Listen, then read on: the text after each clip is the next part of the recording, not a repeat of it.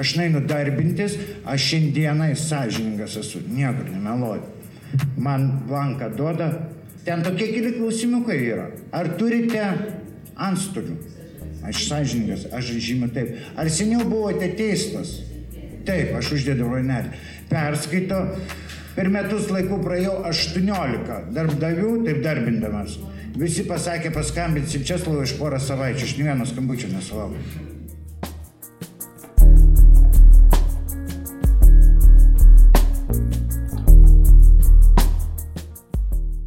Šiuo metu beveik 10 tūkstančių žmonių Lietuvoje gyvena už grotų. Lietuva pirmauja ES pagal tai, kokia dalis gyventojų yra įkalinta.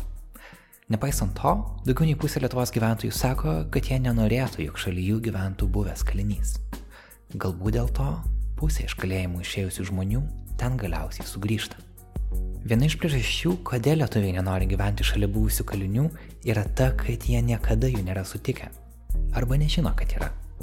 Dėl to tai, ką šiandien išgirsite, bus neįprasta. Į atvirą ratą susėdo tiek buvusiai kaliniai, tiek su jais dirbantys žmonės, tiek mūsų klausytojai. Ir mes visi kartu bandėme suprasti, ką kalėjimas padaro su žmogumi. Ir ką mes, visuomenė, galėtume daryti, kad iš kalėjimo išėjusiems būtų lengviau. Su jumis Karolis Višnauskas iš Nanuk, jūs klausotės Nailo podcast'o. Ši diskusija buvo įrašyta rugsėjo 15 Vilniuje, Lietuvos žurnalistikos centre Įrašas buvo redaguotas dėl aiškumo ir ilgumo.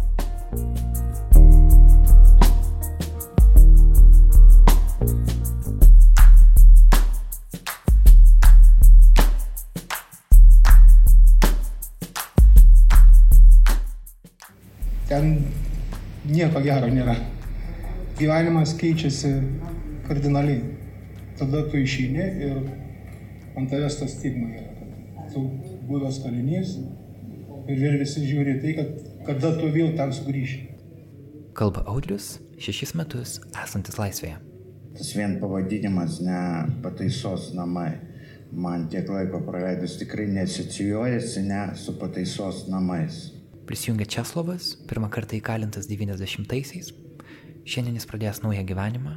Trejus pastarosius metus jis nevartoja jokių svaiginančių medžiagų dar išlikus ir ta pati sistema, kai aš nuo 90 metų pirmą kartą atsėdau, nu dar ir Rusijoje, Kišinioje, Moldavijoje, nekas iš vis pasikeitė yra. Aš skaitau palei savo praktiką, trys metai praleisti ten, tu išeini praradęs visus įgūdžius. Tu prarandi netgi tą bendravimą, mokėjimą, bendrauti su normaliais pilnaverčiais žmonėms, ką kalbėti daugiau apie darbą, apie tą, kur neturi tu nei darbo, prašaisi darbo neturi, tu nieko neveiki, tam tikras uždaras bendravimas, žargonai, tu tampi, kaip mano močiutė sakydavo, ne, pripratimas baisiau prigimimo.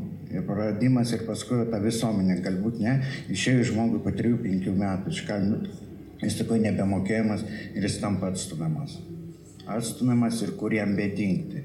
Vėl aš pats išėjęs nemoku bebendrauti su tokiais, aš renkuosi vėl tokius žmonės, kur man nejausti to didelio diskomforto, nes aš jaučiu vienišas.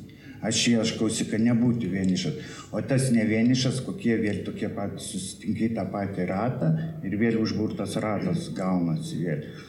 O ten papolus, kas liečia ir narkotikai, turiu būtinai paminėti, tai net šimtą kartų lengviau gauti. Šimtą kartų. Ne čia, kad laisvė išėjęs, da tau ieškosi, o tenais tau pasiūlys bet kokių narkotikų, ne? Iš pradžių būsi tu vaišinamas, kol tu priprasi už dyką. A? O po to kitas priklausomas, tu pradėsi vėl kažką. Mamytė nebemelš karvės, nebe mūsų. Tokia forma pasakys, ne, kad važiuos kažkas pasiims ar panašiai. O ir su tokia manipulacija. Tai vat, ką reikėtų žinoti galbūt apie pačią įstaigą ir ką mes ten veikiame, kas mes tokie ten, kas mes tampame ten papolę, vadinamuose pataisos namuose. Kai pirmą kartą atsimenu mane uždarė, tai man buvo šokas, kad aš negaliu išeiti, man buvo 18 metų, aš dar buvau 12 klasiai. Tai buvo Amsterdame, tiesiog kaip gali būti, kad aš negaliu išeiti. Nu, tas pirmas toks šokiruojantis laisvės apribojimas. Kalba Martinas Liukas, saviugdos treneris, septynių knygų autorius Jis yra kalėjęs Lietuvoje, Olandijoje, Vokietijoje ir Junktinėje karalystėje. Laikas ten jam padėjo suprasti, kad jis nori keistis. A, paskui aš šiaip maniau, kad jeigu nepasidės, tai ne mafiozas. tai dar su tokiu entuzijazmu pirmie kartai tokia buvo. A, tačiau šiaip principas tas, kad jeigu atstovėti tenais savo, tai reikia iš tikrųjų sužvėrėti. Šiaip labai gerai pailustravo, kad nuo 90-ų niekas nepasikeitė. Tačiau nuo 90-ų mes turime kvantinę fiziką, mes turime psichologiją, taip šovusi į viršų, o kad išmokintų žmonės mąstyti, to nevyksta. Tas net vienintelė problema, iš esmės, kad žmonių neišmokina mąstyti. Iš atėjo su senais įsitikinimais paradigmom, jie tapo sustiprinti tenais, nes vis tiek panašus traukia panašų, reiškia, mane pritraukė mano elgesys, pritraukė kalėjimą, tenais jau yra koncentracija tų įsitikinimų, jie tada kaip užbetonuojami ir tada tas, kaip sako, vienas kelias į vieną pusę. Tai jeigu tuo eiti gyvenimą keliu iki galo, nu kaip e, nesničiaja filmas per kino teatrus apie tą Italijos mafiozą, jis atstovėjo savo iki galo. Ten nieko neišdavė ir panašiai. Tačiau labai mažai tokių, kurie iš tikrųjų va tokie tamsos riteriai. Dauguma, kadangi nežino, ką daryti, kuo tapti, neturi drąsos atstovėti savo, tas psichologinis amžius yra vis dar vaikų amžius viduje, nors ir ten 30 ar 40 metų. Ir tas nuolatinis pasidavimas aplinkos manipulacijoms užtvirtina iš esmės tuos tokius nebrandumo požymius ir paskui tai iš esmės vienas kelias nuolatos sukasi aplink tą pusę. Ačiū Dievui, mes dabar turim tokius dalykus, kaip uh, esam ne Rusijoje, kažkur tai, kur vis dar ta tokia gan geležinė siena, kad daug žmonių bus nusikaltelių ar iš kažkokių mafinių struktūrų gali į užsienį tarsi viską mesti ir išvažiuoti. Ten pradėti dirbti ir po truputį integruojasi. Tas iš tikrųjų išlaisvino, tarkim, Europos Sąjungą tą tokį dalyką, kad galima tarsi pabėgti iš to Lietuvos kalėjimų, tos struktūros, nes ten Panevežio grupuotė, ten Kauno grupuotė ir išėjus į savo rajoną jau ten vis tiek kažkas sukiojasi ir traukia atgal. Ir kokie yra skirtumai tarp Lietuvos kalėjimo, arba Želandijos, arba Junktinės karalystės, arba Vokietijos? Uh, turbūt yra tiek fiziškai pačių, patys pastatai, nežinau, nuo to, kad kaip maistas mhm. turbūt skiriasi, iki taip pat gal ir žmonių santykių, gal ta pati psichologinė pagalba, užsienį tu jos gavai daugiau negu Lietuvoje. Psichologinės pagalbos kaip ir tenais, kaip ir čia iš esmės e, nelabai kokios yra. Ir, ir čia, ir Lietuvoje, ir užsienį neišmokina transformuoti proto. Kas yra svarbiausias dalykas, tarkim, kodėl aš pasikeičiau, nes aš realiai supratau, kad aš nesu protas ir kad iš esmės mano tai, kuo aš naudojuosi, yra destruktyvų ir įdinga. Ir kai aš tai suvokiau, tiesiog apsišviečiau realiai ir kai aš tai pakeičiau, tiesiog to nebeįmanoma daryti nusikaltimo. Nes ant kiek siaura turi būti sąmonė, kad ta prasme daryti tai, kad save izoliuoti į va tokį gyvenimą, tas tarp keturių sienų. Tai reiškia, mąstymas yra ypatingai siauras. O išplėsti jo iš esmės niekas nepadeda. Mm. Nei čia, nei ten. Ačiū Martinai. Aš Dar porą klausimų Audriui ir Česlovui apie tą gyvenimą išėjus iš įkalinimo įstaigos, nes mes įpratę tai galvoti, gal, nežinau, jeigu tu žiūri kažkokius Hollywoodo filmus, atrodo, kad štai tu esi paleistas į laisvę, tave pasitinka draugai ir tavo jau gyvenimas pasikeičia. Bet iš tikrųjų realybėje turbūt yra tai, kad tavęs niekas nelaukia ir net tie žmonės, kurie anksčiau buvo tavo artimieji ar draugai, jie turbūt dabar į tave žiūri kaip buvusi kalinį tas stigma turbūt paskui lieka gyvenimui visam. Ir kaip, kaip su ją tvarkytis ir kaip jūs ją patirėt, kaip pasikeitė žmonių požiūris į jūs prieš kalėjimą ir po kalėjimo. Pirmą kartą išeidinėjau 98 metais, buvau 27 metų, tai ar baisu išeiti į laisvę, ne. Tada buvo nebaisu, nes buvo toks mąstymas, kad aš išeinu, privažiuoja draugai prie, prie vartų, pasiema, aš išvažiuoju, aš gyvenu toliau tą patį gyvenimą. Prabuvau penkis metus, vėl buvo gyvenimas toks, kad, na, nu, aišku, nusikaltimai, nusikaltimai ir nusikaltimai viskas. Mes taip gyvename. Dabar, kaip išeidinėjau, nežinau, liko gal kokie trys metai, keturi metai prieš šeimą, aš pradėjau mąstyti, todėl kad subrendau kaip asmenybė, ko gero jau ir metai nebe tie buvo, ir pagalvojau, taip nebebus, ir laikai jau nebe tie pasikeitė, ir draugai jau visi mano metų jau visi įsivažinėję, visi vedė, visi vaikai šeimos ir visai kitokį gyvenimą būdą veda. Aš pagalvojau, ką daryti. Neturiu tos patirties laisvėje gyventi kaip, kaip visą visuomenę.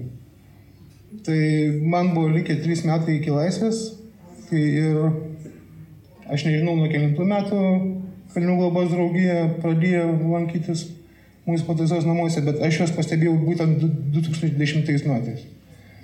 Ir aš kažkaip tai, nu, nutariau, nueit bent jau pasižiūrėti, nu, ką jie vis dėlto žmonės iš laisvės. Nu, ir jie, kaip sakau, tikrai vilini, jie kitaip kvepia, negu kad mes ten, nors ir kaip ir Milda rašė, kad galim kiek nori parfumerijos prisipurkšti, vis tiek ten būnant žmogus kvepia kitaip negu iš laisvės atėjęs.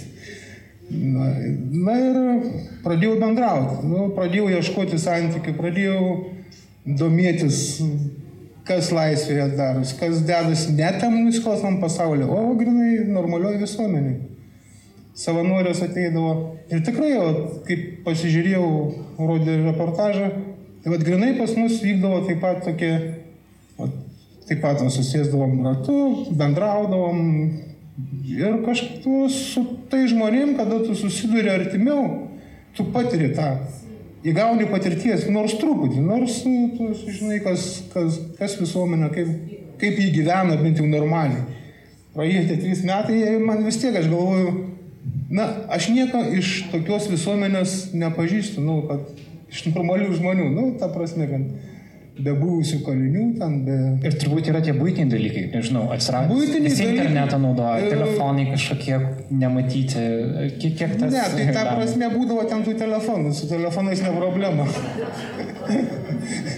Gal tik tai ten, nu, nežinau, kokie muzikos instrumentai geresni, tokių netveždavo. O kas liečia telefonus, tai problemų ten su to nėra. Aplamai, ne, ne kiek tie būtini dalykai, bet bendravimas su žmonėm. Nu, paprasčiausiai, kad ir ten būnamas, aš nelabai bendraudavau ten žargonais. Nu, gal toks auklėjimas buvo iš vaikystės. O tai iš tikrųjų, kur įkalinimo įstaigoje tu gali bendrauti, nežinau, pietaudamas, turi kažkokį laisvą laiką susitikti. Ar yra iš viso erdvių, kur tu gali, nes daugelis pagal tą apklausą darytą, kurią citavau pačioje pradžioje, daugelis sako, kad jie tiesiog jaučiasi žiauriai vieniši. Ir tada klausimas, kodėl taip yra, ar nėra erdvių visiems susitikti, ar kaip tai vyksta. Aš dėl to nežinau, jūs klausite dėl laisvo laiko. Tai ten laisvo laiko yra daugiau negu kad tau jo reikėtų. Ten visą laiką laisvas laikas. Ypač dabartiniais laikais. Anksčiau aš atsimenu dar, kada pradėjau tą karjerą 90 metais, tai buvo priverstinis darbas dar. Dabar ten visą laiką laisvas laikas.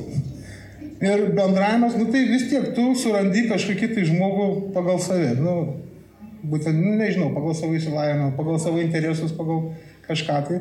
Ir tu gali bendrauti. Erdvių yra kiek nori. Na. Aš nežinau, sakė, dabar sugriežtino ten. E, Aš kada buvau, tai buvo visiškai kur nori ten eini. Ir nes Na, paskui- aišku, išskyrus anapus tvoros. Nes paskui atsiranda ir visuomenės požiūris, kad maždaug jie gal ten visai ir gerai gyvena, gauna maistą, neturi nieko dirbti, mes juos visi išlaikom. Yra, yra toks nusistatymas prieš e, ir, ir tai veikia, kodėl žmonės ne, nemėgsta būsių įkalintų žmonių, nes atrodo, kad jie kažkokį visuomenės išlaikytini. Bet jūs ne, net ir nelabai turit pasirinkimo kitaip gyventi. tenai. Taip, taip, nes gal, ten gal ir dauguma norėtų dirbti, nu taip. Vis tiek ir įsilaikyti save, ir, ir vis tiek, bet nėra jokio užimtumo. Mano laikų buvo viena psichologė, ant 600 žmonių, kaip pasakė panevežį, ant 300. Bet tai gerai, aš einu pas tą psichologę, bet ji taip pat pareigūnė. Kokį aš galiu turėti pasitikėjimą tai psichologijai? Dabar dar tas pats. Tai ką man gali, nu, kaip psichologė, sakau, jeigu jie pareigūnė, aš galiu tada prieiti prie bent kokios būdelės, pakalbėti su pareigūnu, tai bus tas pats. Ačiū labai. Milda, jūs dirbate su šitą sistemą nuo, nežinau, kiek, kiek, kiek 50 metų. Nuo 90 ir, ir jums sakė, kad jis sukelia daug liūdėsio tokie. Mums mum galbūt jie atrodo. blogai jaučiuosi, kai eina kalba apie šitą sistemą. Milda Bliumenzonienė yra Lietuvos kalinių globos draugijos reabilitacinio centro vadovė. Ji beveik 30 metų padeda iš kalėjimo išėjusiems žmonėms grįžti į visuomenę. Jūs sako, žmonės vieniši. Žmogus vienišas ne todėl, kad ten jisai vienas izoliuotas kameroje, apie ką mes svajojam, kad pagaliau tai būtų kamerinė sistema. Jis vienišas dėl kitų dalykų. Nes būti didelėje erdvėje, kai visi skirtingi, tai nėra taip paprasta iš tiesų. Čia yra ta bėda. Bet būdavo nueinu į pataisos namus, tai aš pa, pa, pavargstu per valandą laiko, būdama tarp 60 žmonių, sakykime, tu būni toje sekcijoje plūsgali. Kaip tu negali visiškai nieko nei pasišnekėti, nei pasikalbėti, nei, nei nieko sužinoti, o mūsų būrių viršininkai ir po šiai dienai turi tokį kiekį žmonių, su kuriais turėtų turbūt turėti kitokį kontaktą. Taigi mūsų kalėjimai iš tikrųjų užsima ne reabilitacija, ne, so, ne resocializacija, o kriminalizacija, sakyčiau, va šitaip. Ir dėl to atsiranda visi tie dalykai, apie kuriuos kalbam, kad nemėgsta tų žmonių, kodėl nemėgsta žmonių, nenori būti kaiminystėj. Be abejo, nes, sakykime, būnu liktinio paleidimo komisija, svarstom žmonės, nu, karčiausiai 17 kartų teistas, 15 kartų teistas, tokį Davidą 29 kartą teistas. Tai pagalvokit, nu ko, kaip, kaip. Tas žmogus jisai neturi jokių iš tikrųjų, jokių socialinių įgūdžių jau jau senai ir pamiršo, iš tikrųjų gyvena palėtės, palėtę subkultūrą, kuri tarp kitko yra vienintelis užsikabinimas E, kuris suteikia jam kažkokią psichologinį komfortą. Jis randa savo grupę žmonių ir ten jisai joje būna, nesvarbu, kaip ten, ne, nevardinsiu dabar ten tų visų negražių ne, ne, ne žodžių. Tai va kaip yra, iš tikrųjų, pataisa nevyksta ir žmonės išeina įgavę, įgavę kitokių įgūdžių per tiek metų. Ir tai ką jisai gali daryti, jis išeina ir be abejo, kaip Audrius sako, būriuojasi, eina prie tų pačių žmonių dėl to, kad mūsų mm, sakykime, mieste Vilniuje nėra tokios institucijos, tokios organizacijos, kuri bent kiek paglobotų tą žmogų, kuris išeina iš pataisos namų, nors truputį, nors tam laiko atsipūsti, šiek tiek susiorientuoti, o dabar sako, tu iš karto eik į darbą, tu iš karto eik Tai jūs tarsi tai darot, bet jūs esat kaip nevyriausybinė organizacija. Jo, mes jau dabar nebedarom, iš tikrųjų nebedarau ir laukiu reformų, labai nuoširdžiai tikiu, tikrai taip tikiu, kad gal ir vyks kas nors. Dėl to, kad pasižiūriu atgal ir galvoju, kaip dar iš vis tokioje sistemoje bandėm būti ten mes visuomenininkai. Dabar, pažiūrėjau, iš perspektyvos galvoju, tai jeigu man suteikė pataisos namų direktorius, viršininkas, pabūti tenai dvi valandas vidury dienos, išspaudęs man tiek laiko ir aš su savo savanoriais atbėgu, kaip jie į mus žiūrėjo, tai gal kaip į kokius juokdarius, nes aiškiai žinojo, kad mes nieko negalim ten paveikti. Nieko, tiesiog jie dėl varnelės mus prisėmė kaip nes jau vis tiek jau Lietuva nepriklausom, esame Europoje, turi šiek tiek būti kažkiek žmonių iš visuomenės laisvos ateiti į kalinimo įstaigas. Tai va kokia buvo ta mūsų padėtis. Iš tiesų, e, Tokį pasitikrinimą turėjom, turėjom bent tris Europos finansuojamus projektus, kur netgi tom sąlygom klaikiom parodėm, kad galima žmogui suteikiant pagalbą, galima iš tikrųjų jam padėti atsistoti ant kojų.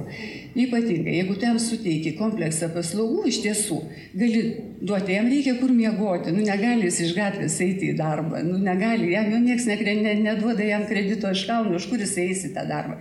Batai, praustis, valgyti, kaip būti. Nu, tiesiog ištisai, va šitiek metų jaučiu, kaip tyčiajamas yra iš to žmogaus, valstybė tyčiajasi, nes jinai, nu, jinai deklaruoja, kad jinai viską dėl jo padaro. Tai kai vykdėm projektą ir aiškiai pusmečiui suteikėm jam galimybę gyventi, dirbti su psichologu, su socialiniais darbuotojais, su palydėjimu, su mentoriai, žodžiu, tie žmonės tiesiog šalia einančių mokino jį gyventi. To gyvenimo parodė, kaip tą daryti.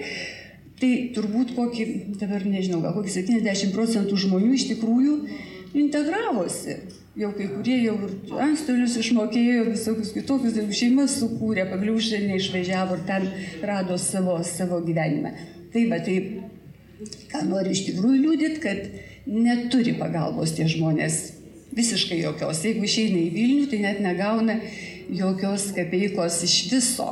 Tai sakykime, turi pameluoti, kad važiuos gal į biržus, ne, tada duos jam pinigų bilietui, bet ir to jau nebegalima, nes jau man atrodo su autobusų stotim, su visų susisiekimais jau yra padaryta. Taip jau šitaip, man atrodo, jo. Tai va, išeina žmogus į gatvę visiškai.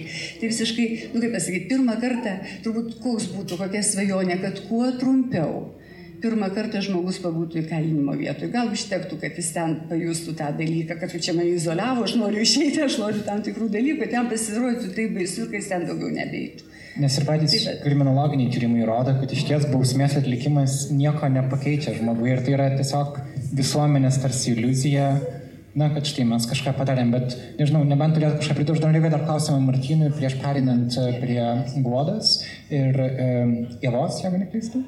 Taip.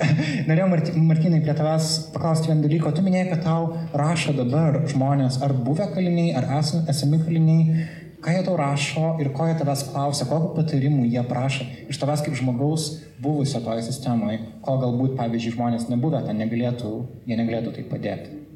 A, aš esu parašęs e, dvi knygas, vadinasi, nuo bujų iki šventųjų. Ir tenais iš esmės aš per tokią psichoterapijos prizmę aprašiau vaikystę, kokia, kaip aplinka nuvedė mane į kriminalinį pasaulį, kokiomis sąlygomis aš užaugau, kokiomis mintimis darydavau nusikaltimus, aplamai visą vadą tokią psichoanalizę, iki to, sakykime, pabudimo, suvokimo, kad tas pas per tą patį, o kur aš. Mm. Ta knyga yra, kiek aš žinau, labai populiari kalėjimuose. Ir e, žmonės, kurie paskaito, iš tiesų visi sako tą, kad mes visi taip galvojam. Ir mes visi tą jaučiam kad mes darom nesąmonės, kad mes išdavinėjom save. Ir tose knygose pavaizduota, kad galima save pakeisti ir žmonės rašo, klausia, kokią knygą man paskaityti, kokius man seminarus pažiūrėti, kaip išmokti medituoti. Ir vis tiek klausia iš tų dalykų. O kaip jie gauna tavo knygą kalėjime? Tai galima. Tai perdavinė knygas, čia nėra uždrausta. Iš esmės, norėdamas gauti kažkokią psichologinę pagalbą, tu pats turi, pats turi į tos vat, knygą ir gauti. Reikia prašyti, kad... Tai tavo, tavo problema. Artimieji, kad atneštų taip. Iš esmės, aišku, ten yra kažkokia bibliotekos yra, bet jos tokios pakankamai skurdžios. Tai iš esmės žmonės, kurie paskaito, jie arba pradeda skaityti po tų mano knygų, arba pradeda rašyti laiškus, nes telefonų vis dar tenais yra, panašus dalykai, tai rašo ir per Facebooką, paskui žiūri tenais kol kartais rašau, žiūriu, jau užblokuoti jau. Na, nu, taip, bet, žodžiu, bando e, kaž, gauti kažkokios šviesos, išsiveršti iš tenais. Taip, visi iš esmės nori išmokti valdyti savo protą, sąmonę, kūną, tam, kad galėtų pasikeisti. Iš esmės, jie trokšta įgūdžių, kaip susikurti gyvenimą, o ne būti marionetė tos senos inercijos, kurių kažkokios paradigmos vaikystės sukaltos yra taip ir ne kitaip. Ir jie pradeda suprasti to psichologijos amžių dabar, kad galima viską padaryti, bet šiandien nesuteikiamos sąlygos transformacijai kokybiškos. O kaip tau pačiam asmeniškai tai pavyko, e, nes tu irgi turėjai perėti per šitą procesą, apie kurį tu rašy knygos ir kurį dabar nori kitiem perduoti. Ko, kokia buvo tavo istorija, kas tau buvo tas atsiverimo momentas, kad gerai, aš kažkaip turiu pasikeisti? E, principas toks, kad e, aš pažiūrėjau, kai mane buvo tokie nuolatos, nežinau, neperšinamos lemenės, ginklai, susirėmimai, pykčiai su kažkom. Tai net žavėdavo tas gyvenimas iš dalies. Jau man buvo pradėjęs atsibosti. Žinau, tas pats per tą patį ir galvoju, 12 metų, identiškai tas pats per tą patį. Galvoju, kažkas netaip ir vėl mane uždarė.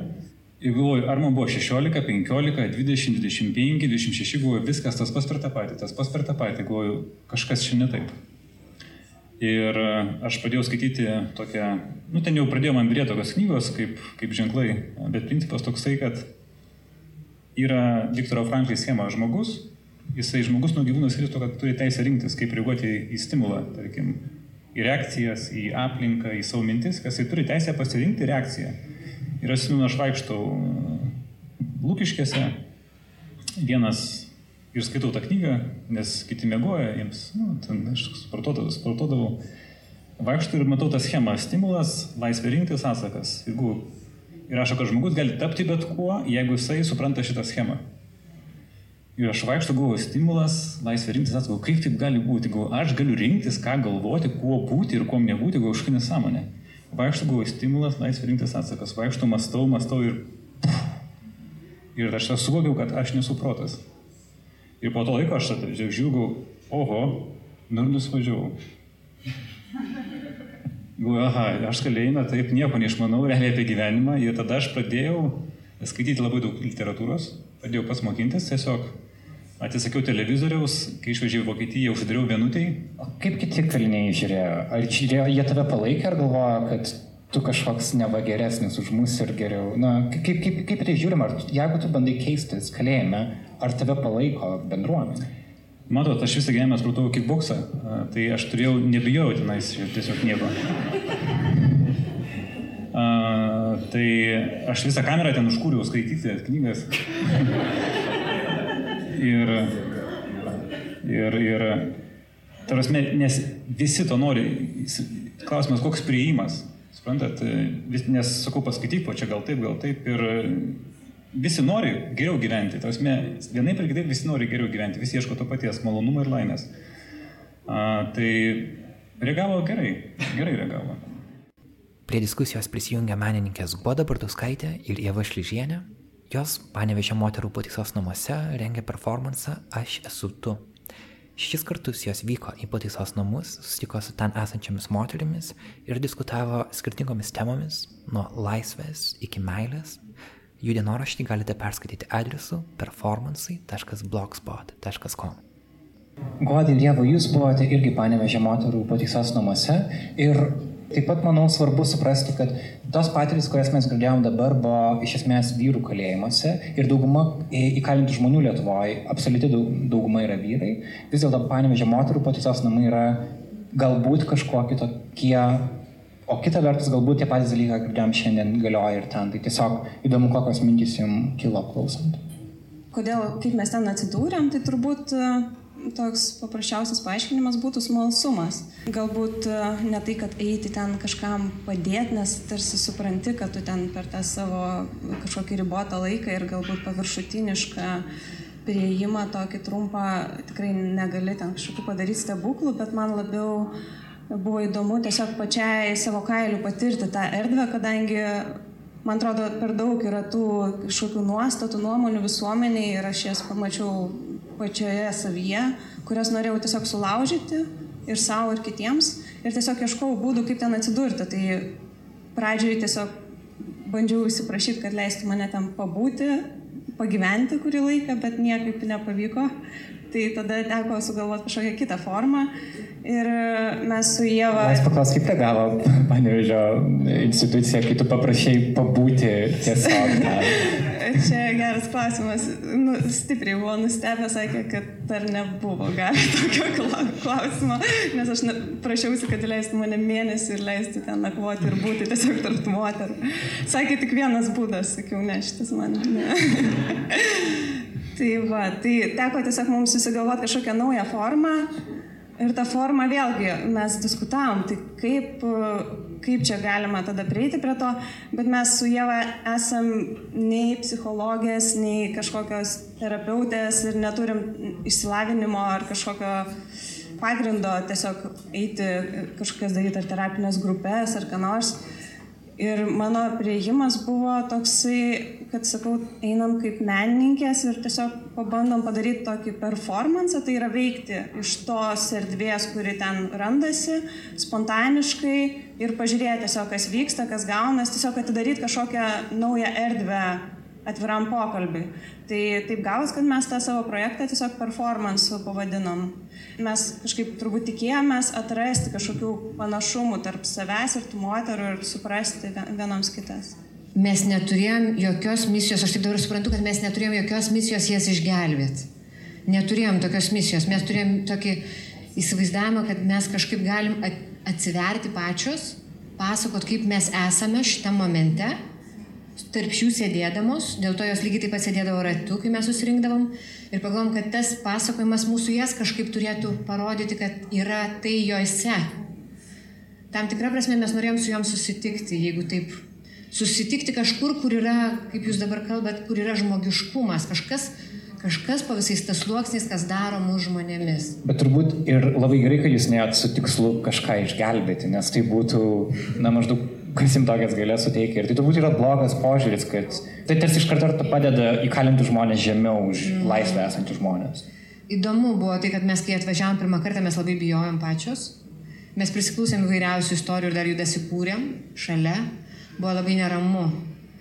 Ir po šešių mėnesių, kai išvažiavom, mes kažkaip supratom, kad jos buvo reikalingesnės mums netgi negu mes joms kad tai, kas vyko tenai ir tai, kad tos moteris ateidavo ir kad jos sėdėdavo tam rate ir mes kažkaip, su, mūsų suguoda santykio gylis įvyko tenais.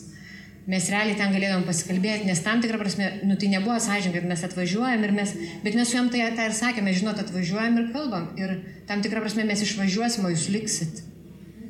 Ir dalis moterų per tą pusantros valandos jos išeidavo, jos palikdavo tą erdvę, jos nesuprasdavo, kad ten, kas ten vyksta, kas čia dvi moteris kažkokios sėdi Tiesiog tyli. Ir, ir, ir jos išeidavo, bet likdavo kokios keturios moteris, kaip taisyklė keturios, penkios moteris, su kuriam atsitikdavo kažkoks labai tikras pokalbis. Ir vis tiek mes išvažiuodavom, tai būdavo vienkartinis dalykas. Jos tartum kunigo funkciją netgi mums atliko.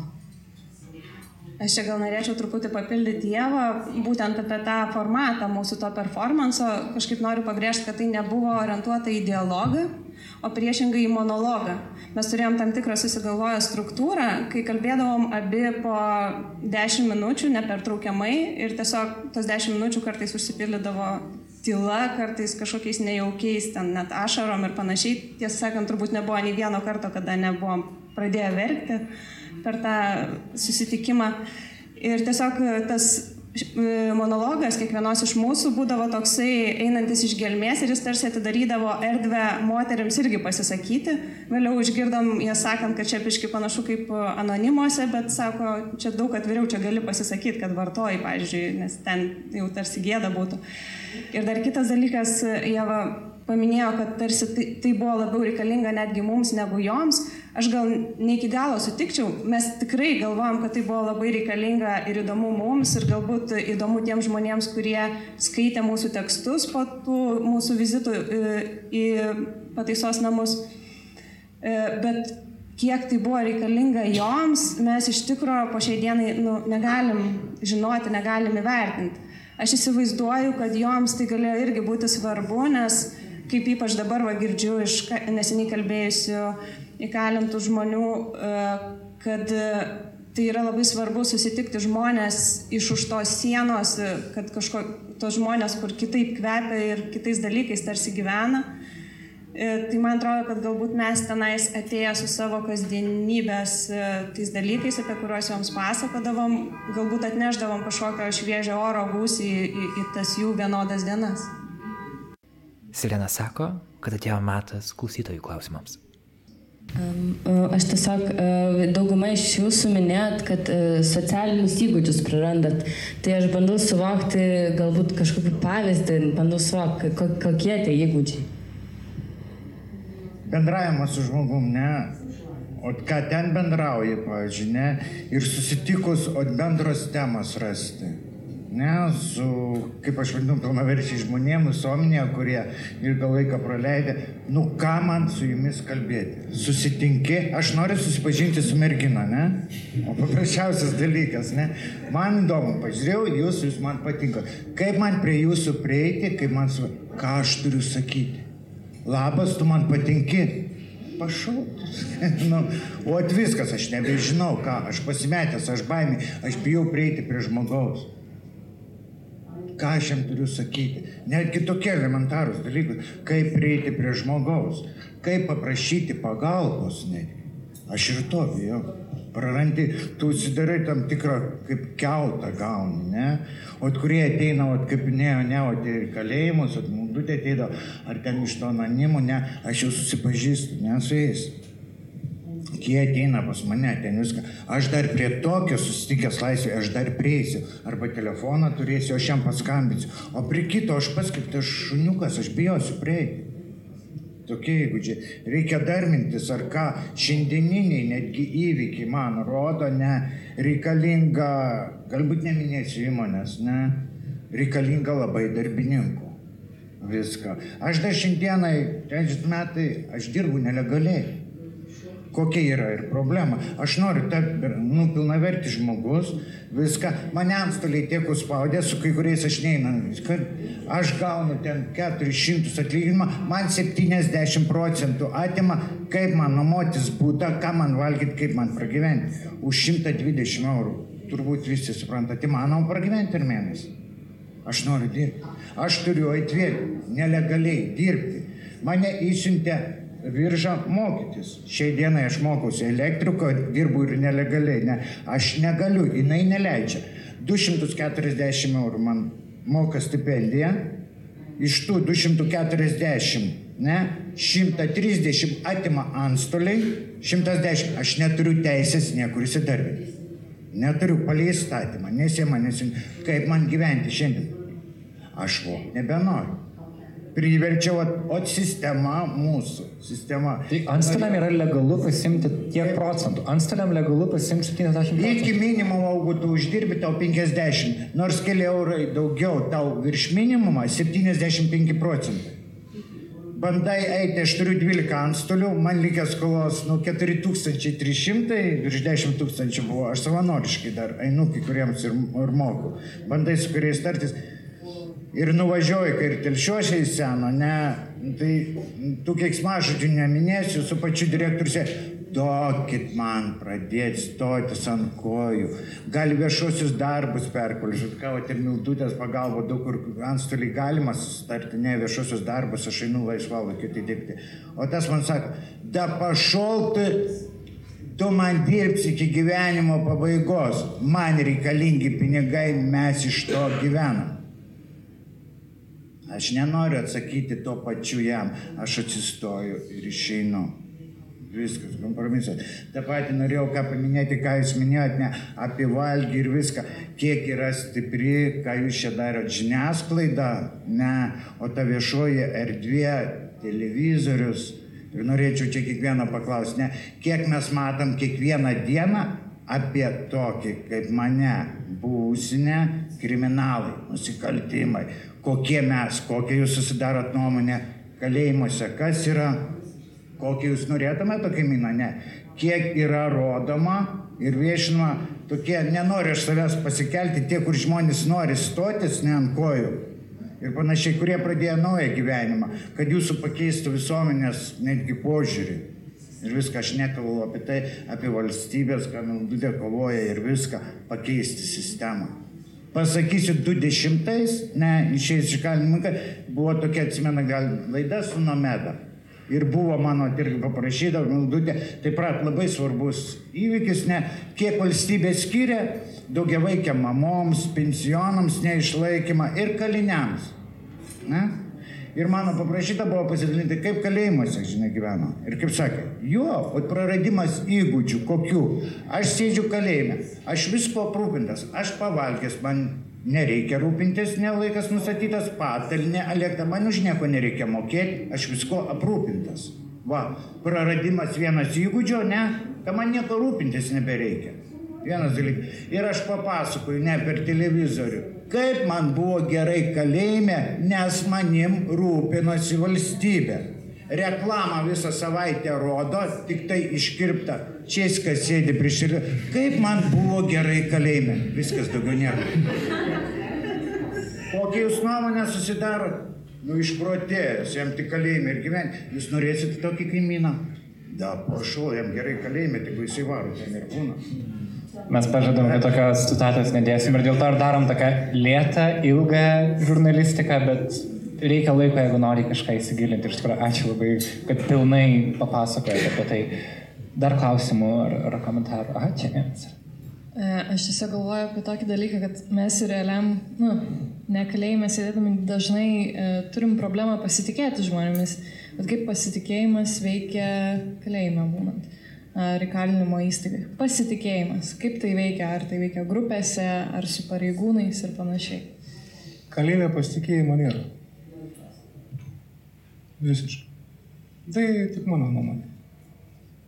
Nes kaip ir nėra draugų, nėra, nėra pažįstamų, nėra giminių ir artimųjų.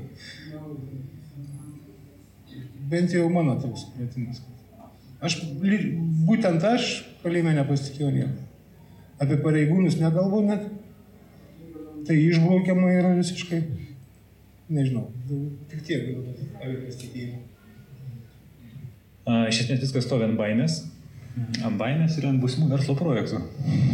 Iš esmės draugystė statoma arba ant grupė, kuri iš esmės laikosi, kad kaip grubonis, kad atsilaikyti tam tikras pozicijas savo, arba iš esmės santykiai statomi būsimų verslo projektų, ar tai kam parduoti, ar išėjus kažką padaryti, ar ten vietoje kažkokie tie verslo projektai vadinamiai, nes yra žmonių, kur kalėjimas tampa labai turtingi iš narkotikų prekybos ir panašiai. Mm. Tai iš esmės tokio dalyko kaip draugystė iš esmės yra didžiulė, didžiulė imitacija. Kaip pavyzdį norėčiau parodyti tokį, kad uh, Vokietijoje, jau aš kai ten, taip sakant, pabudau, jau tenais man nuvežė tokia atsipeikėjusi. Ir aš visiškai tiesiai šiesiai propagavau būtent sąmoningą gyvenimą ir kad kalėjime aiškinau, kad būti nusikalti yra nesąmonė. Ir aš kiekvieną kartą plaudavau visiems smegenis. Sakydavau, jūs, vat, aš sakau, tenais ir toks ir toks buvau mafiozas, Sakau, jūs čia dar dviračių suvagė, sakau, kokią prasme. Nu, ir duodavau knygų skaityti, ir, ir aiškindavau, nesikeikdavau, sportuodavau. Ir jie su manim elgdavosi taip, kaip aš su jais. Tasme, atvirai, mes visą suprasdavom. Bet kai tik jie perėdavo su kitais į, į komunikavimą, iškart persijungdavo tas toksai, kokiu reikia būti. Ir aš atsimenu, vat, mano buvo kamera antram aukšte ir man matėsi kitoj pusėje tarkim, pirmas aukštas kameros.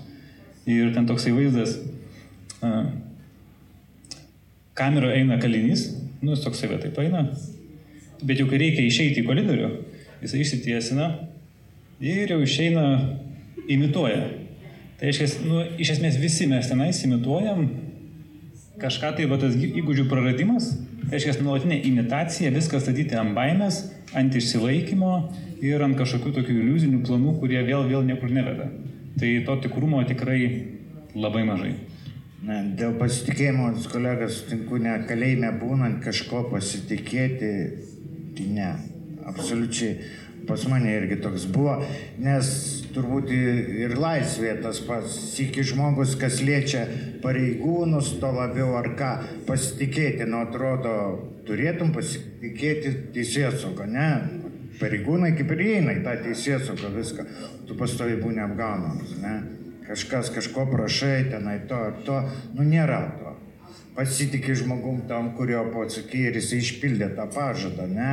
Ir man tokiu atveju net leidžia ne aukti daugiau, kaip sakant, nestengtis daugiau. O tenai nė, nėra to, netgi išėjusi laisvė, o tas pasitikėjimas aš bijau. Aš bijau, praradimas vėl tų įgūdžių, šiandien laisvė pasitikėjimo nebeturi jokių žmonių, niekur nieka, kas tave supo, nes tu pastovi būni apgautas. Tenai tai to labiau, kad jums lengviau būtų suprasti, džiunglių kaip ir įstatymas išlieka stipriausi. Turiu užsitarnauti, kaip kolega sakė, savo vardą, savo tą, apie kokį pasitikėjimą, tą pašau. Nu, kad tik tai viens už kitą aukščiau ir įsilaikyti, arba ten tam tikrų draugų sluoksnį ir panašiai, pasitikėti, netgi nežinau, kuris tas vadinamas ir to draugus, ir to pastoja bijodavai, su kuriuo mes kaip vadinam būkinam arbatą kartu geriam, ar dar kažką. Visą laiką būni, kaip mes vadinam, načikų, net mėgant. Ne? Būni načikų. Tam tikra baimės jausmų, tas pasitikėjimas iš kur kur kad visą laiką buvai apgautas, atstumtas, laiku tiesiog iš koks gali būti pasitikėjimas.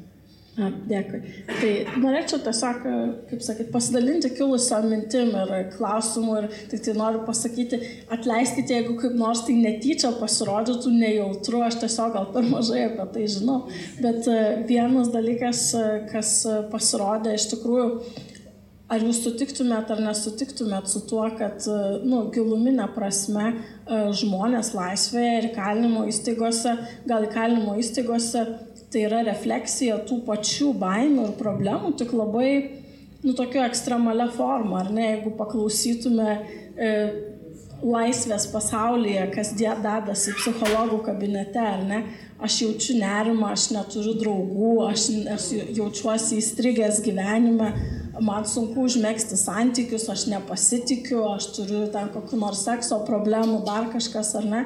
Ir tiesiog vieni žmonės gal tą ar ekstremaliau išgyvena, ar, ar nu, tam tikros aplinkybės, kuries, kuriuose jie dėja atsidūrė, kažkaip ekstremaliau tą išneša į gyvenimą.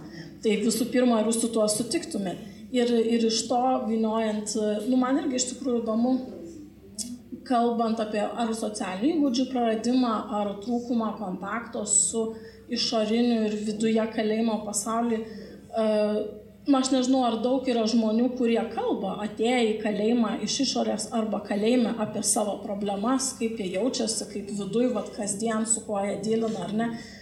Bet įdomu iš tikrųjų, ar išgirdus, kad tie patys, kaip aš vis vadinu, civiliai, nu lygiai taip pat turi baimį prieiti prie priešingos lyties atstovų, pergyvena dėl karjeros, jaučia, kad negali nieko padaryti prieš savo tėvus, vis tiek jaučiasi kaip penkiametis. Ar girdint va tas jų problemas, ar jums tai kažkiek rezonuoja ir galbūt sako, jo, iš tikrųjų mes, nu, nesam tokie jau skirtingi Ar kaip tik jums atrodo, kad, va, Jėzau, nieko jie, ta prasme, taip gerai turi ir net nesupranta ir nevertina, vat, ir, ir dar tik tai labiau tą atskirti užaština.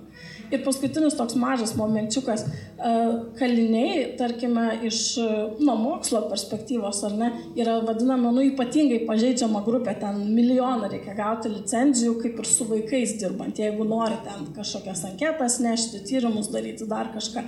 Ir mes turim Lietuvos visuomeniai daug tų pažeidžiamų grupių, e, tiek seksualinės mažamos, tiek imigrantai, tiek, na, daug, daug iš tikrųjų tų pažeidžiamų grupių. Ar, ar jums yra tekę bendrauti, susidurti, ar jūs manot, kad jūs galbūt narastumėte kažkokį sąryšį su problemomis, kurias tos kitos grupės patiria, ar kaip tik tai yra kalinių problematika tokia skirtinga, kad maišyti net neverta. Čia galvoju apie resursus, tarkim, nevyriausybinio organizacijų, kaip įjungti daugiau padėti jiems. Ačiū. Aš tai galvoju visą tai, ką jūs pasakėt, tai taip labai viskas ryša. Tas pats kalėjimas yra valstybė valstybė. Taip pat kaip ir kalinių jausmai, ten visas problemas, taip pat ir visuomenėje jos yra. Bet e, jūs sakot, kodėl taip uh, išskiria kalinius, uh, daleiskim, kaliniai visuomenės nesmerkia. Visuomenės smerkia kalinius. Ir tai va, tame skirtumas ir yra. Ir jūs klausėt, ar ar galėtumėm mes išklausyti, ar leiskim atėjusius e, iš laisvės žmonės ten, jeigu pasi, nu, pasiklauso ar įsikalbėtų. Tai yra buvę, kad e, mūsų savanoriai ateidavo į kalėjimą jie ir sakydavo, kad pat, jie taip pat įsikalbėdavo tokiam pat rate, jie taip pat kalbėdavo kaip ir mes. Ir tai buvo bendras ratas neįskiriant. Ar tu kalinys, ar tu savanoris ten iš laisvės atėjęs ar kas. Ir mes taip pat išklausydavom juos, net ir mes jiem kažko tai patardavom, pa, paguosdavom gal gal, ar ten nu, kaž, kažkaip tai vis tiek. Ir išeidami jie pasakydavo, kad vat man palengvėjo. Man būtent palengvėjo čia, o ne, ne kažkur pas psichologą ar dar kažkur. Kaip jūs sakėt, kiek skiriasi visuomenė nuo, nuo kalinių, taip? Tai iš esmės, jeigu mes pažiūrėsim, kiek skiriasi, tai beveik nieko nesiskiria dauguma žmonių atsakinėja skaitliukus, e, naudoja kompiuterio piratinės programos, Windowsus, antivirusinės, tarsi masiškai, mm, žiūri piratinius filmus internete, duoda kyšius už technikinės pravarimą, tas yra masinis nusikalstamumas, masinis. Ir mūsų visuomenė yra persmelkusi dar nuo Tarybų sąjungos, kad tai yra normalu. Mm. Tai kalinys, tuo, kad jisai, pat aš pasakysiu iš savo pavyzdžio, kai aš pradėjau pirmus nusikaltimus, aš, mam, aš visiems pasakodavau. Ir aš mamai sakau, jūs atsakinės kutriukus, tai tu vagėjai kelius, kelius litus. Tai jūs va tokie esat, kad tik tiek vagėt. Tai jeigu vokti, tai vokti. Tasme, jūs vis, aš mačiau, ką aš mačiau, aš mačiau, kad visi yra apsimetėliai. Ir aš pagalvoju, kad aš galiu būsiu tikras. Tasme, nes aš visą gyvenimą deklaravau, kad aš esu nusikaltėlis. Kad aš esu prieš sistemą. Nes man sistema atrodė, kad tai yra masinė saviapgaulinė kriminalinė struktūra. Mm. Ir kuo skiriasi, kas sakyčiau, kad nieko. Tiesiog vieni vienoj pusėje tilto, bet visi ant to paties tilto. Mm. Jo, iš tikrųjų, dar įsiterpčiau toks, mm, na, kaip pasakyti, apie pokyčius. Kadangi liktinio paleidimo komisijoje, kai dalyvauju, tai natūraliai klausim, o kągi tu išėjai sveiksi kokius tu pirmus žingsnius darysi. O dar atkreipiu dėmesį, kad sėki jau lygtinio paleidimo, e, paleidimą esi pažeidęs, o jisai susikopa ir sako, o taip gyvensiu, kad nepakliūčiau. Dabar tai jau aš tikrai nepakliūsiu. Žodžiu, vat, visa pataisa įvyko. Tai iš tikrųjų, tai vat, kaip, kaip viskas tas yra, nu, kaip, kaip pasakyti, kaip pasakoju, juokinga, bet kai tu esi tame, tai visai nejuokinga iš tikrųjų. Nu, čia toks nukrypimas. Čia turbūt klausimas bus Česlovai, nes minėjai, kad kai išėjai, susidūrei su anoniminiu draugija, norėjau paklausti, kiek tos draugijos bendruomenės padeda, ypač kai atsiranda tos tokios kitos problemos, tas įgūdžių praradimas, kai sistema yra visiškai prapuvus, ar tos draugijos iš tikrųjų yra tiesiog kažkoks pleistras ant didelės žaizdos ir nelabai padeda ir yra esminė problema visai kitur ir tos draugijos nepadės jos išspręsti, nes aš žinau, kad egzistuoja mąstymas ir e, kažkada su draugais apie tai kalbėjom ir tiesiog e, bendras kažkoks nutarimas tarp mūsų buvo, kad trūksta draugijų, kad žinai, e, padėti atšiūkinti juos visus nuo, nu, po tos sistemos. Bet gal taip nėra, gal yra didžiausia problema ta, kad nekreipiam dėmesio į sistemą, kad sistema neveikia. Apie kokią sistemą dabar norėt paminėti? Nu, ta sistema, kuri atima tos įgūdžius, kaip jūs sakėt. Ar, ar tos draugijos padeda, ar, ar ne? Taip, taip, taip. taip. Oi. Aš neįsivaizduoju savo gyvenimo be grupės. Viskas. Aš vienas niekas. Niekas. Aš nieko neturiu. Tai mano nauja šeima. Tai vėlė, ta draugija, kuri man davė suvokimą, ne, aš noriu turėti tai, ką jūs turite, mėlyje. Parodykit man, kaip jūs tai darote, kaip jūs tai gaunate. Ne? Turit šeimas, sukūrė. Dauguma jūs visi buvote, aš kaip pavyzdį sakau, ne, to, apie ką jūs šneka draugai, buvę tokie kaip aš. Daugiau, mažiau praradę, ne? Ir viskas, aš ateinu pas jūs ir prašau, ne, parodykit man. Jie man sako, ne, viskas paprasta, Česlavai. Ar tu pasiruošęs tai daryti? Tai mano nauja šeima. Nes aš nieko daugiau neturiu. Mane, kaip sakiau, visuomenė dar nepriema. Aš nainu darbintis, aš šiandienai sąžiningas esu. Niekur nemeluoju. Man blanką duoda, ne, užpildyti. Reikia labai darbininkus, ką pirmą nutruko mintis. Aš užsakau viskas, užrašyk blanką, papildyk kitojus į darbą. Ten tokie keli klausimukai yra. Ar turite antstolių? Aš sąžininkas, aš žymiu taip. Ar seniau buvote teistas? Taip, aš uždėdavau rainelį. Perskaito. Kur jūs gyvenate? Tai gal jums sunku bus važinėti į darbą. Jūs negaiškite laiko, paskambinsime jums už porą savaičių, jūs dar paieškokite darbą. Nu, per metus laikų praėjau 18 darbdavių, taip darbindamas. Visi pasakė, paskambinsim Česlovui iš porą savaičių, ne vieno skambučio nesulaukiu. Visuomenės požiūris, darbdavių požiūris į nuteistą, kuris turi antstolių, kuris buvo sėdėjęs. O kaip jums pavyko dabartinį darbą rasti tuomet? Kaip? Kaip dabartinį darbą pavyko rasti?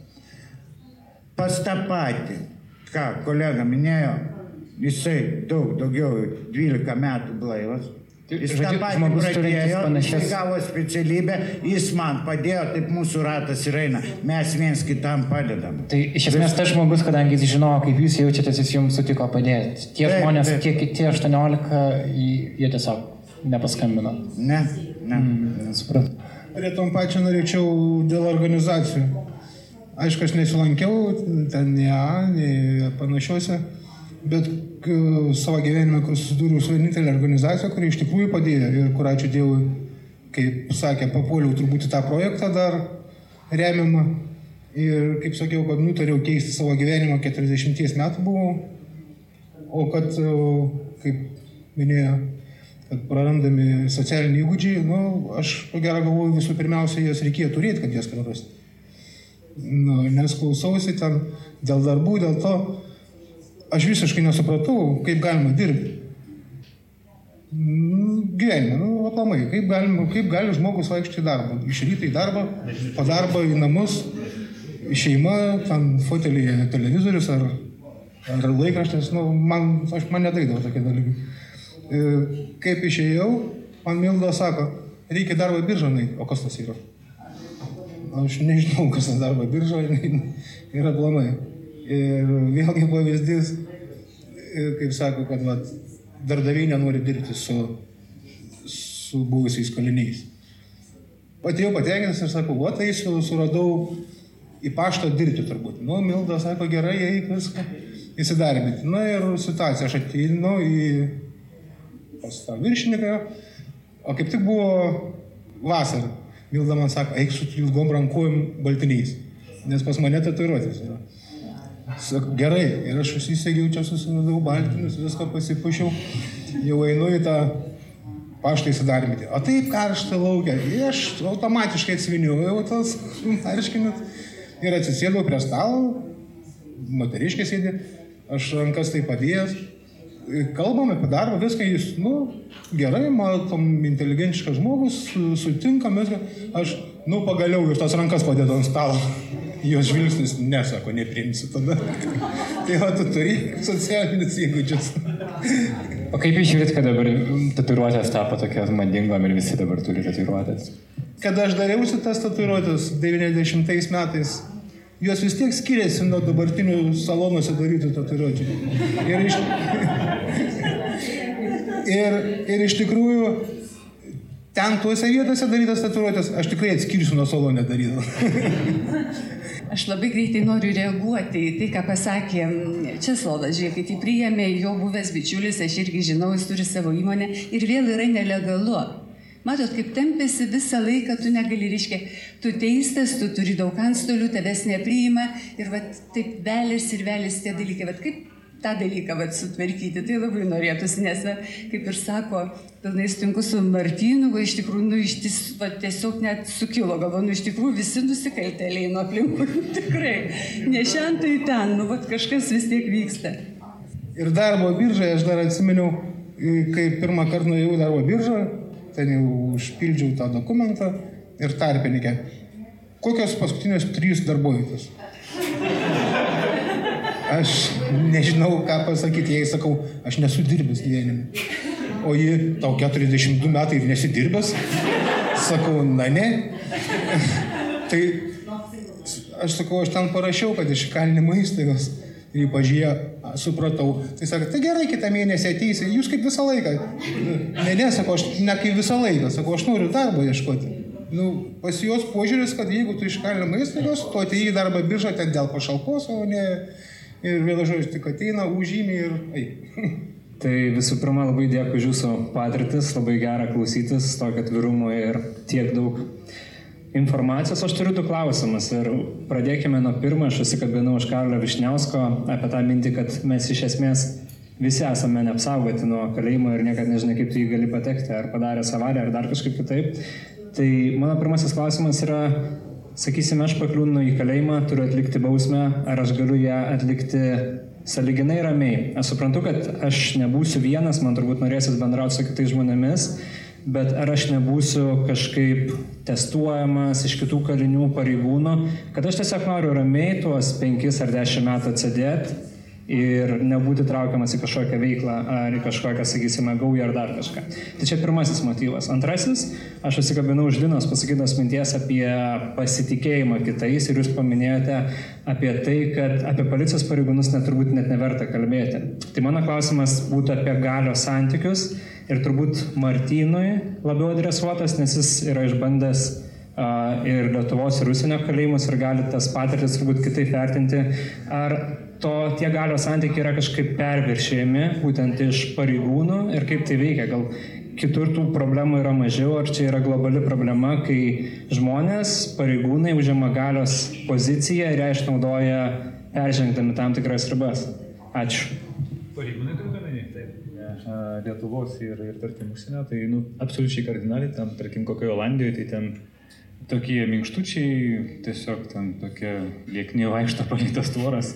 Tas santykis yra labai paprastas, lengvas ir, ir, ir netoks sunkus, o pas mus, tarkim, tarkim, mes juokaudavom, tarkim, lūkiškėse, kad e, ten, kai aš gyvenau su to tokiu irgi pozityviai mąstančiu žmogum, e, mes ten buvom dviesi vienoje kameroje, Rusijai, nes galima su nerūkačiais pasirinkti, nu, kad truputį ten irgi sportuojantis su sportuojančiais, ten irgi turėjo tam tikros tokios, kaip galima pogrupius e, truputį susikonstruoti.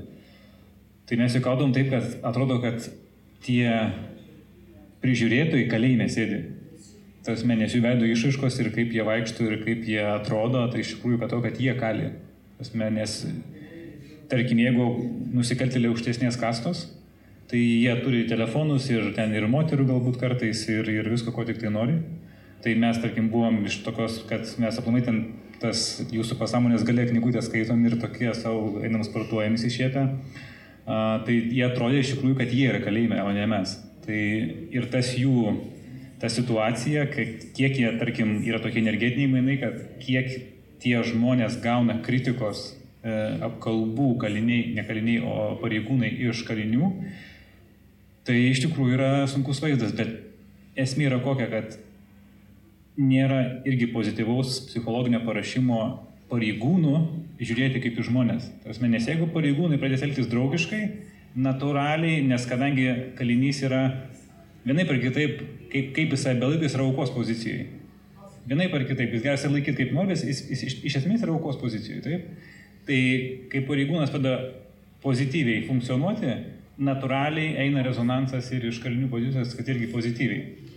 Bet e, tas pasiruošimas, kiek aš mačiau Lietuvoje, tai yra nu, tikrai liūdnas vaizdas. Tai norėčiau priminti, sakykime, pas, nežinau, pastarųjų savaičių, tai turbūt visi gal, nu, gal neskaitėt, gal dabar nemadinga skaityti, bet iš tikrųjų Dalius iš Delfio e, parašė Sinkevičius didžiulį ciklą, ciklą straipsnių apie tai, kaip pravieniškėse, jau beje pradedama ir byla bus pradėta, susikūrė nusikalstamas susivienimas. Tai yra galė, galės paėmė nuteistieji. Ir iš tikrųjų puikiai žinom, kaip tas vyksta. Ir jeigu jūs sakot, kad jūs labai ramiai atliksit bausmę, tai schema yra tokia, kada jūs busit nuteistas, iš karto turėsit praeiti skaistyklą. Tai yra apie jūs sužinos, ką jūs turit, ar turit pinigų, ar turit artimųjų, gal turit dar kokio turto, ar visą kitą. Ten jie turi pavadinimus ten tie nežinau kaip čia jie skirstytojai, paprastai pasakant. Ir jūs busit paskirtas į tam tikrą zoną, palei savo nu, materialinę padėtį. Ir va tada ten jau prasidės jūsų gyvenimas. Kaip jūs ten suksitės? Tai klausimas, tai labai aiškiai buvo parašyta ir įvertinta ir tikrai taip yra ir dabar turbūt dar ir neišvesta yra kariuomenė įvesta į pravieniškių pataisos namus ir ten tie dalykai vyksta. Iš tikrųjų, tai va, atsitinka šitaip, o atsitinka tai todėl, kad iš tiesų mūsų pataisos namai nereformuoti. Nei kiek, reiškia, mes gavom iš iš to sovietinio paveldo, tai gavom du dalykus - tą visą infrastruktūrą ir visišką mentalitetą. Vat ką šneka Martynas, tai čia tik pasvajot galim, nes tai, kas dabar čia vyksta, tai yra kažkas tai baisaus. Iš tikrųjų, ir tie žmonės nėra taisomi, jie gyvena taip, kaip nori, subkultūra klesti ir va štai turim tokius, tokius dalykus. Tai yra, mes neturim sovietinio kalėjimo, dabar turim mutantą, tokį lietuvišką įkalinimo įstaigą. Tai, tai va čia ramiai nepavyks jums pabūti. Man tą pirmą klausimą, kur užduot, man toks viduje jokas, pane, kur jūs ruošiatės į kalėjimą į Birštono viešbutį, kur nors kurortą, žinot, kad taip įdėmiai klausinėt, kaip jūs ten sutiks, ne kalėjime, kaip kas ką, nu, Mildutė turbūt pasakė, yra tam tikras procesas. Ir jeigu tu laisviai ne, nebuvai, apie ką kolega sakė, tam tikro užnagario papulsi ar ką, apie informaciją apie tave labai greitai bus surinkta, ką tu turi, kaip tavo mamytės gyvena, teveliai, kiek tu turi turto, koks tave iš laisvės tavo ta hebra stovi gerai, kokioj tu guoja, priklausyk, Ne, jeigu tu iš kaimo ar ką, nu, jeigu tu labai kresnas vaikis ar ką, ne, galėsi pastovėti, gausi porą kartų lūptą, atstovėsi, nu, galbūt šiais jau laikais nebėra, taip, žinai. Bet, kaip ir sakiau, aš pirmą minėjau, džiunglių įstatymas išgyvena stipriausiai. Visų. Taip, jūs davėt pavyzdį tokį paprastą apie socialinius įgūdžius, kaip paprasčiausiai sunku yra prieiti prie žmogaus ir su juo pradėti bendrauti. Tai man įdomu, kaip jūs manote, kas galėtų pasikeisti elgesyje žmonių, aplinkos, kurie nebuvo įkalinimo įstaigoje, kad ta, ta baime jums bendrauti, paprasčiausius dalykus daryti sumažėtų, kad jūs drąsiau galėtumėte įsilieti tą gyvenimą. Tai aš irgi atsiriminti tą džiunglių įstatymą, kad kažkas tampa stipresni, kažkas tampa silpnesni ir kokie yra tie dalykai, kurie galbūt net automatiškai E, pastato žmogų į hierarchijos apačią ir ką reiškia būti toje apačioje. Tai e, ar kalbėtume apie homoseksualumą, ar apie neįgalumą, ar apie kažkokias tautinės mažumas, kaip yra su tais dalykais. Ir aš stabdysiu, Audrius turi jau bėgti. Ačiū Jums, Audriu, labai už, už tai, ką pasakėte.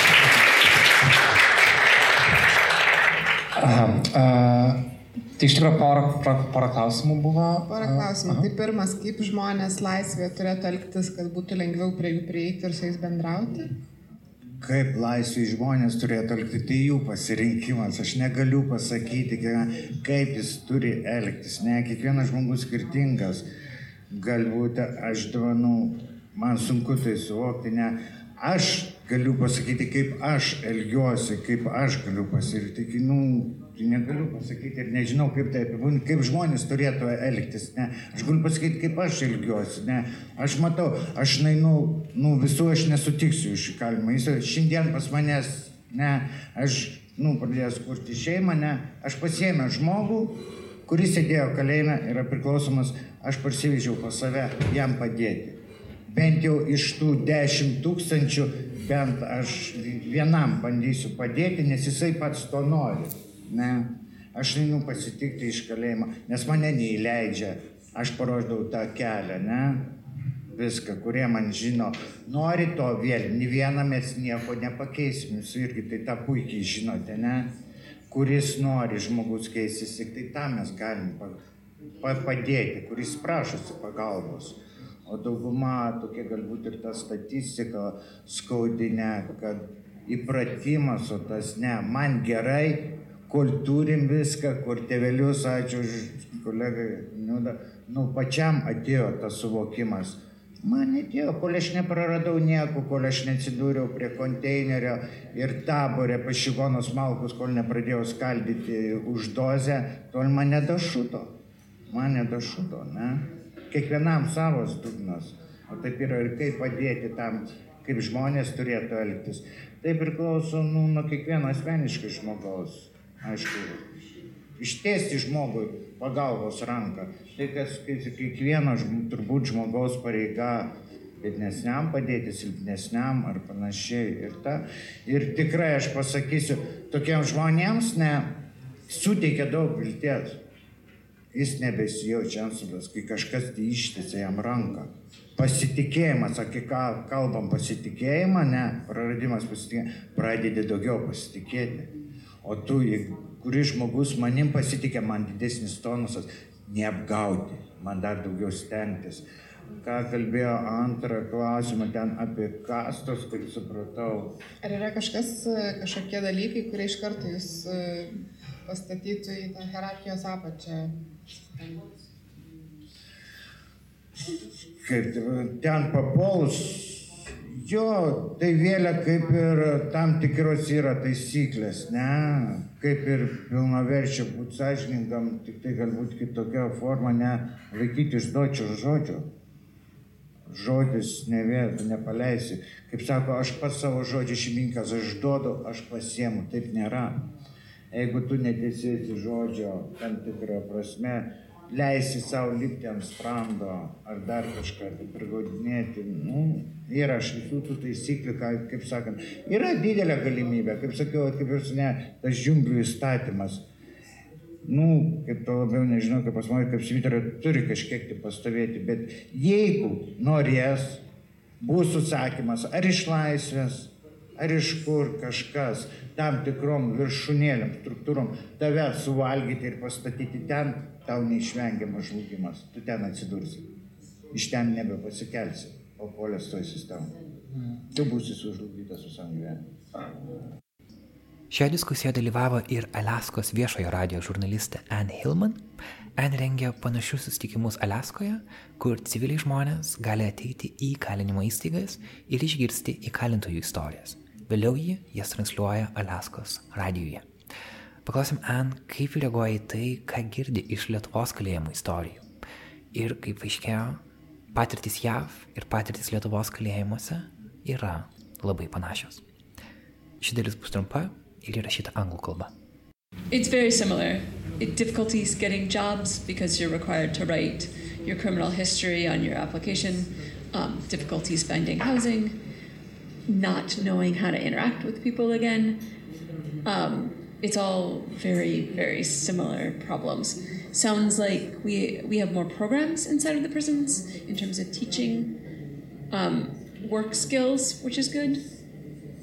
But it's also similar problems, just that if you're not interacting with people and you're always with the same group of people every single day, it's hard to know to be in new situations. Um, many men have told me about just being in public and being allowed to move anywhere you want and not being required to always be in a certain place in a certain line and it's hard to adjust so it's sort of disheartening to know that it's the same everywhere Thank you, Anne. Gal dar turime klausimų, o galbūt galime ir pamažu baigti, nes Aulis turėjo išeiti ir galbūt, net nežinau, štai yra kiek laiko tokie renginiai turėtų trukti. Galvoju, nebent tiesiog paskutinius žodžius, jeigu galbūt Martynai ir Čes, Česlavai galėtumėt pasidalinti, galbūt kažkas liko šiandien nepaliesta, kas jūsų manimų yra svarbu, tas, tas manau, būtų, būtų gerai. Iš esmės, svarbiausias dalykas aplamai tiek mūsų visuomenėje, ar tai, kaip sakiau, visi atrodo, kad tai daro nusikaltimus vienokią ar kitokią formą. Tai už tai, kad tiesiog nėra psichologinio švietimo. Nu, čia tas pats, ta, tas pats mechanizmas, kaip 95 procentai lygų yra psichosomatinės kilmės. Tai reiškia, kad visi gydytojai turėtų būti psichologais, tačiau to nėra. Reiškia, akivaizdi problema, tačiau niekam neįdomu kažkaip, tai va tokia nesąmonė. Lygiai tas pats, neiškės nėra psichologinio įsilavinimo, žmogus jis pats nesupranta, kas jisai toks, kas turi emocijas, kas turi mintis, kurias gali valdyti, kas turi fizinį kūną, kurį atitinkamai irgi sąmoningai turi rūpintis.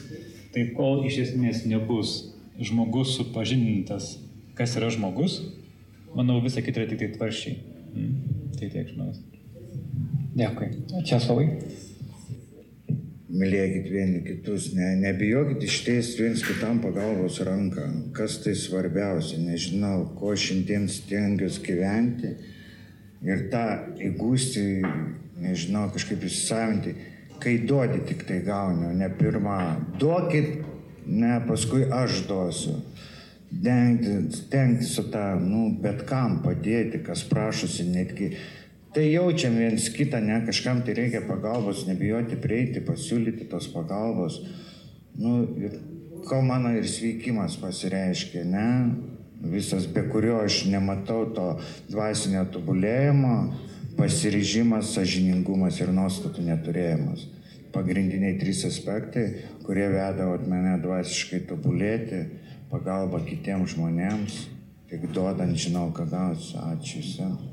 Aš dabar, aš, ne, aš dabar Česlovo paklausiu, kur jis gyvena ir jis čia man pasakė, bet nepasidalino su jais. Gal galite papasakoti apie tą naują dalyką? Galiu, nu čia dar tik tai planai, aš dabar kol kas gyvenu senosios trakose. Taip pat, ot, ką, ką čia minėjau, kaip visuomenė, ne, o kiti tokie, aš gyvenu, susiradęs moterį ir tai man reikia ar ne, alkoholikas šeima, aš pagyvenau pusę metų, ne aš bandžiau perteikti tą, duoti, ne, kad yra kitoks gyvenimas, kad ką, jiems aš suteikiu diskomfortą. Jie nepriema manęs, jie nenori. Mes sako, norim būti laimingi. Ta laimė jie įsivaizduoja, kaip, kai atneša man padėko ir ją suvalgom ir mes būnam laimingi. O tai, kad reikia įdėti labai daug pastangų, kas žmogui labiausiai sunkiausia sekasi, keisti mąstymą, keisti save. Jie to nenori. Aš privalau išeiti, nedaryti žmonėms diskomforto, nes jiems to nereikia. Jiems yra gerai taip, kaip yra. Tai mes planuojame, ne mes, manęs prašys irgi pagalba, taip pat anonimas draugas, viskas iš Bernardinų, duoda naujojo Vilniuje namą, ne, savo atiduoda, mes kūrėme ten tokiem kaip man, buvusiam, kurie išeina iš įkalinimo įstaigos, neturi kur eiti, ką daryti, priimsim.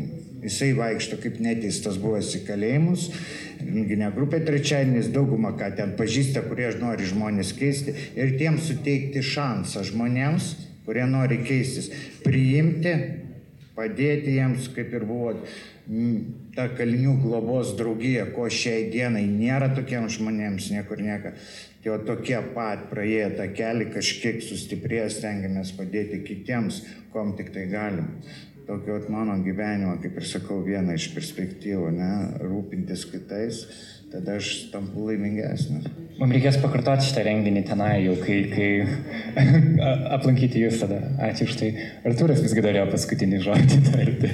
Tai kadangi mes esame vis tiek žiniasklaidos priemonė, inicijavus diskusiją, aš kažkaip nenoriu, kad įsivaikščiotume neaptarę vieno klausimo, kuris man atrodo irgi labai svarbus, bet šiandien taip nedaug jo girdėjęs. Tai, tai jo, labai klausant visų šitų patirčių ir Ir klausant kitų žmonių klausimų, tas šita tokia problematika, visos šitos temos tokia tarsi skyla į dvi dalis. Tai yra viena tie statymų pokyčiai per lėtos reformos ir Ir ta kita tai yra visuomenės reakcija. Ir visuomenės, būtent tie turbūt įstatymų pokyčiai turėtų būti lydimi lygiai taip pat ir e, darbo su visuomenė. Tai yra, kad ji pati keistųsi, kad nes turbūt šiandien vis dar vyrauja tas požiūris, kad ta bausmė tai yra savotiškas kerštas ir, ir tą galima labai matyti lengvai turbūt komentaruose, matyti, girdimės turbūt ir gatvėje, ir savo aplinkose žmonės kalbant ir reaguojant į kažkokius ten į rezonansinius įvykius, nusikaltimus ir te, te, teismų, sakykime, ten sprendimus, kad vat, dabar taip ir reikia. Ir norėčiau vat, visų turbūt paklausti pašnekovų šiandienos, kad vienas iš turbūt pagrindinių nuomonės formuotojų visuomenė tai yra žiniasklaida. Ir kaip, kaip at, pavyzdžiui, jūs visi vertinate žiniasklaidos darbą, kuriuo esate arba profesionalai, arba, arba lygiai taip pat atlikę laisvės atimimo bausmę, kaip jūs žiūrite į panašius straipsnius, ar kaip žiniasklaidos gebėjimą kalbėti šitą sudėtingą temą. Na ja, vieno dalyko tai mes tikrai nepalėtėm. Žiūrėkit, kaip gražiai mes apsukom tai, kas vyksta pataisos namuose. Turim nuteistąjį, turim visuomenę.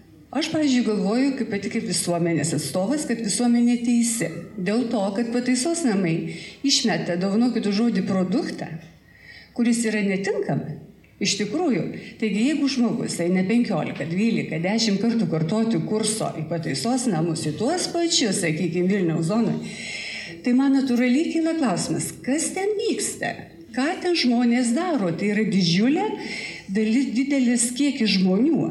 Kiekvieni metai šita sistema gauna 70 milijonų tam, kad jinai pakeistų žmogų eurų milijonų eurų, nebelitų. Ir įsivaizduokit, ir viskas vyksta šitaip. Tai tada kas tai yra per pataisos namai, kokie žmonės ten dirba, apie tai, kad nuteistasis turėtų psichologinį išsilavinimą, tai svajonių svajonė, bet pagalvokim, kokio išsilavinimo žmonės ten dirba, kaip jie žiūri tą žmogų. Marlinas teisus, tai irgi yra aukos, bet kas tą padarė.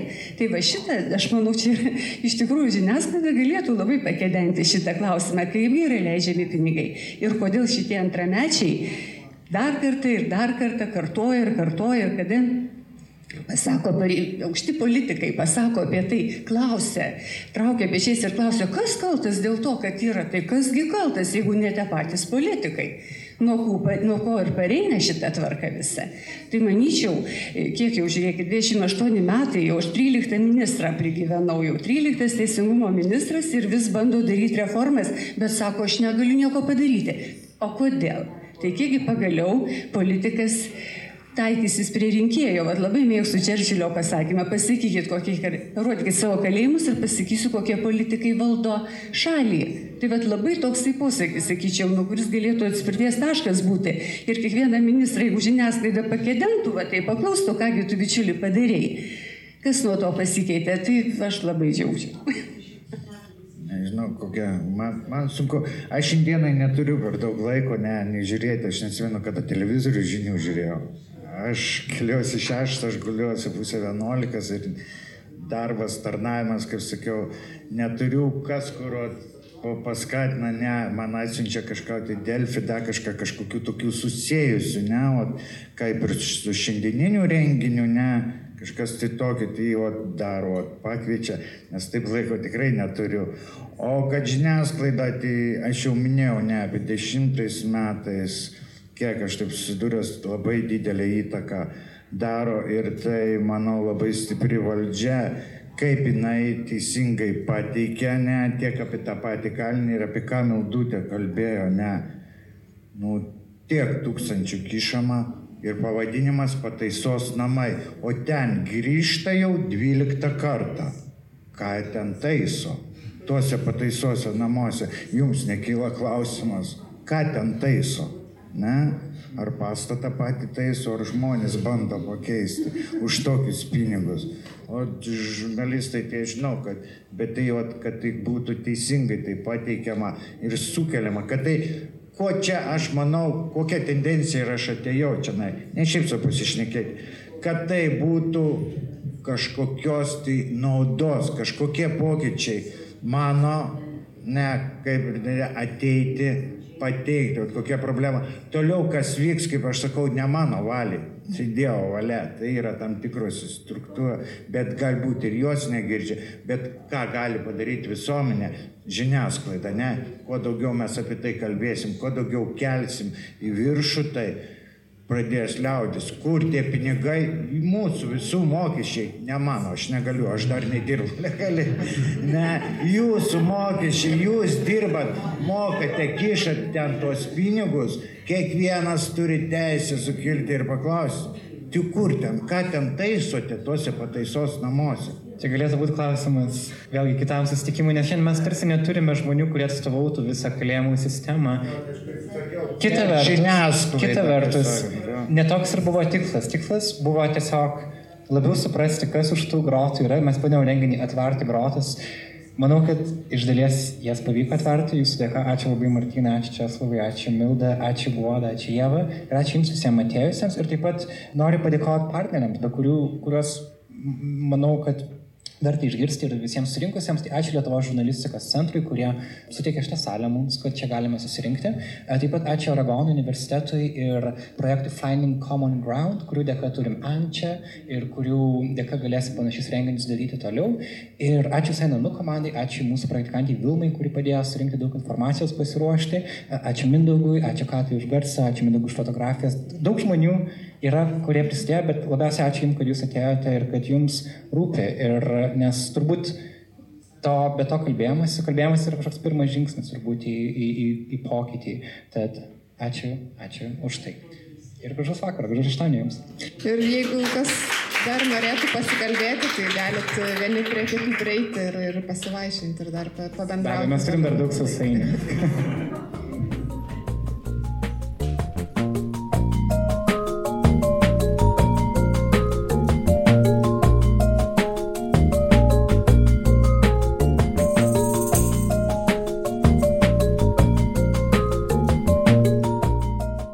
Šio susitikimo nuotraukas galite pamatyti adresu naila.lt, jų autorius yra Mindaugas Lygotas, epizodo garso režisierė yra Kata Bitoft, o muzikos autorius Martinas Gailius. Diskusiją organizuoti padėjo Martina Šulskutė ir nanų praktikantė Vilma Kulytė. Jeigu norite toliau tęsti Lietuvos įkalinimo įstaigų temą, labai rekomenduoju projektą Vienodos dienos. Tai yra pirmasis Nanuk multimedia žurnalistikos darbas, dviejų autorių, Nanuk įkūrėjų Bertos Ilmantaitės ir Artūro Morozovo tyrimas apie tai, kaip atrodo gyvenimas ten ir kokios monotoniškos dienos slenka panevešyje.